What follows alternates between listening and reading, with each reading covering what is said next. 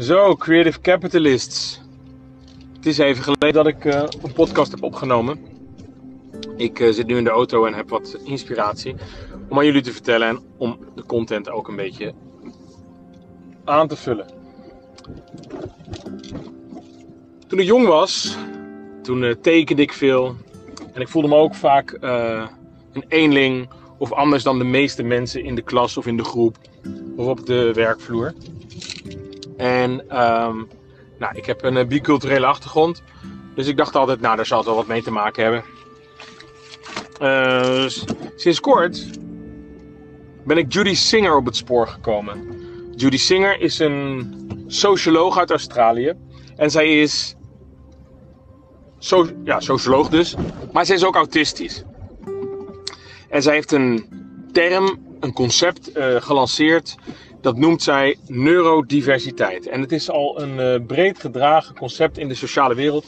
En ook de psychologische wereld spreekt over het concept.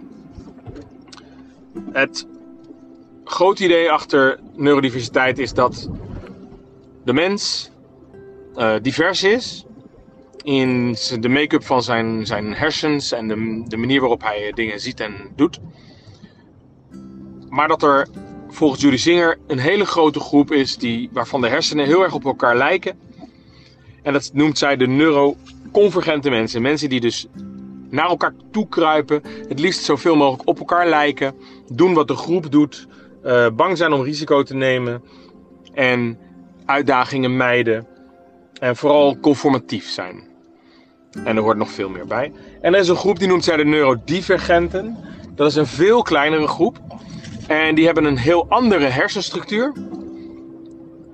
Die totaal anders werkt dan de neuroconvergente. En die hersenstructuur is ook nog zo anders dat de neurodivergenten ook niet eens op elkaar lijken.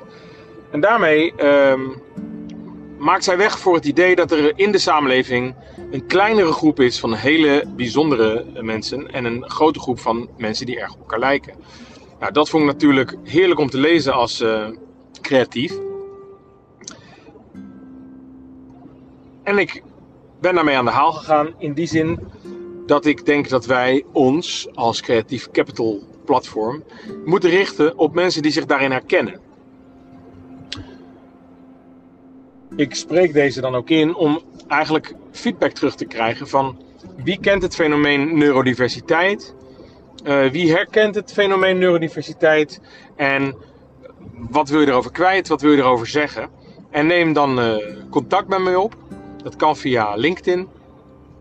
Als ik je berichtje binnen zie komen, dan uh, zal ik je uitnodigen voor een volgende keer een gesprek te voeren hierover. Want ik wil de komende tijd graag aandacht besteden aan dat uh, concept neurodiversiteit.